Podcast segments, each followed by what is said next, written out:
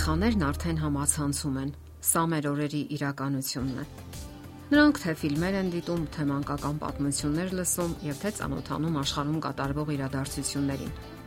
Ոչ հազվադեպ նրանք նաև սոցիալական ցանցերում են։ Իսկ տեղեկատվության փոխանակությունն այսօր աճում է հսկայական արագությամբ։ Ինչպես անել, որ երեխաները չխեղդվեն տեղեկատվական վիրտուալ այդ ջրվեժում, որ մեծ արագությամբ հեղեղում է համացանցը։ Ինչքան էլ արգելենք նրանց, մի օր գալու է այն պահը, որ պետք է այս կամ այն կերպ շփվեն այդ ոլորտի հետ։ Հիմնախնդիրներից մեկն այս հարցում այն է, որ մեծահասակներն իրենք հաճախ դառնում են վիրտուալ իրականության զոհերը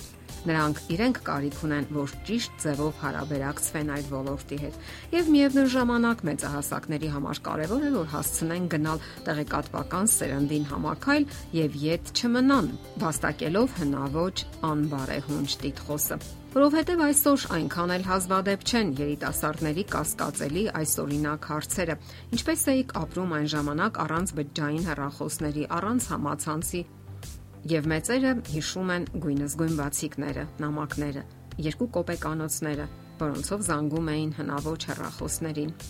Տան հեռախոսները, որոնք հաճախ երկար լարեր էին ունենում, որpիսի հնարավոր լիներ տեղափոխել սենյակից սենյակ։ Դրանից հետո առաջ եկավ email-ը։ Մարդիկ արդեն այս կերպ էին հաղորդակցվում։ Հետո առաջացան SMS-ի հնարավորություններ։ Դրանից հետո մեծ արագությամբ եթերը հեղեղվեց այլ հնարավորություններով։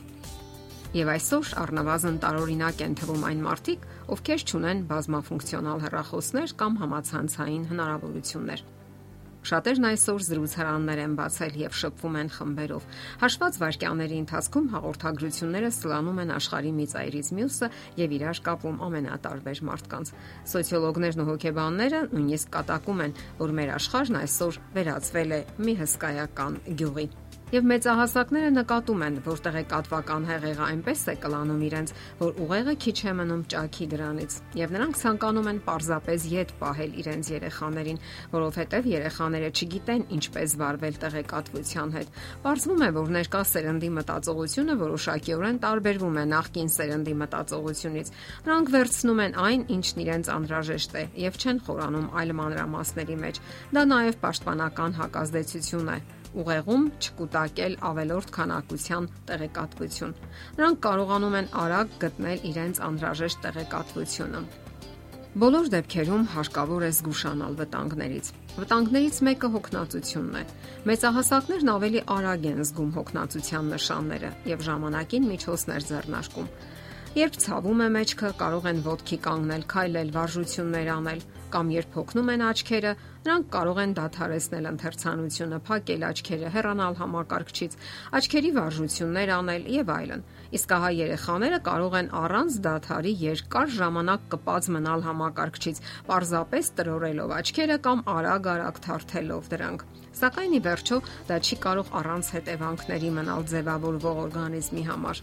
Միայն դեռահասային տարիքում են նրանք սկսում հասկանալ օրգանիզմի ձայները եւ պատկերացնել, թե ինչ է խնդրում օրգանիզմը։ Ահա թե ինչու անհրաժեշտ է օգնել երեխաներին, սակայն չարքելել։ Պարզապես հարկավոր է ճիշտ սահմանել ժամանակային քանակությունը, որն անհրաժեշտ է երեխային համացանցից օգտվելու համար պատկերացնել, որն է հիվանդագին կախվածության եւ անհրաժեշտի միջև անցնող սահմանը։ Կարող եք ողրել դա կոնկրետ ձեր երեխայի համար եւ գծել խիստ գրաֆիկ, որին նա պետք է հետևի։ Վտանգավոր է նաև խաղային կախվածությունը։ Իսկ թե ինչքանով է իրական այդ կախվածությունը, կարելի է հասկանալ միայն այն ժամանակ, երբ հեռացնում եք երեխային իր հրապուրանքի առարկայից, կոնկրետ դեպքում համակարգչից։ Այդ դեպքում կրտսեր տարիքի երեխաները սկսում են լաց լինել, իսկ համեմատաբար մեծահասակները ընկնում են հիստերիայի մեջ, ունենում են ագրեսիվության նոպաներ, այդ թվում իրենց արգելողի, նեղացնողի հանդեպ։ Գոյություն ունեն նաև ֆիզիոլոգիական դրսևորումներ՝ գլխացավ, սրտխառնոց, թուլություն, դեպրեսիա, տրամադրության տատանումներ եւ այլն։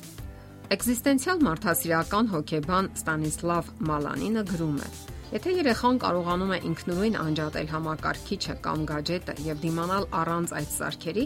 ապա դեռ վաղ է անհանգստանալ։ Իսկ ահա նրանք, ովքեր չեն կարողանում դիմանալ առանց կախվածության սարքի, ունեն օգնության կարիք եւ ընդ որում մասնագիտական օգնության եւ հետեւաբար անհրաժեշտ է անհապաղ օգնություն ցուցաբերել։ Վաշինգտոնի մասնագետները հետազոտել են գոյություն ունեցող մի շարք առցանց խաղեր։ Պարզվել է, որ խաղերի մեծամասնությունը ստեղծվել է գովազդային նպատակով, որոնցով քարոզվում է, ասենք, անառողջ սնունդ։ Օրինակ, խաղի հերոսի դերում կարող է լինել արագ սնունդը կամ այսպես ասած fast food-ը։ Մասնագետները 9-ից 10 տարեկան երեխաների շրջանում փորձել են ողրզել այդպիսի խաղերի ազդեցությունը։ Այսպես, 10 րոպե առցանց խաղով տարված երեխան չի նկատում իր առջև դրված օգտակար մթերքը եւ նախապատվությունը տալիս է առողջության համար վտանգավոր սննդին։ Դե ի՞նչ, հիմնական սկզբունքը հետեւյալն է. ոչ թե արգելել, այլ օգնել երեխային, որpիսի կարողանա ճիշտ օգտվել ģերժամանակակից թվային սարքավորումներից։ Եթերում ընտանիք հաղորդաշարն է։ Ձեզ հետ է Գեղեցիկ Մարտիրոսյանը։ Հարցերի եւ առաջարկությունների դեպքում զանգահարեք 094 08 2093 հեռախոսահամարով։ Հետևեք մեզ hopmedia.am հասցեով։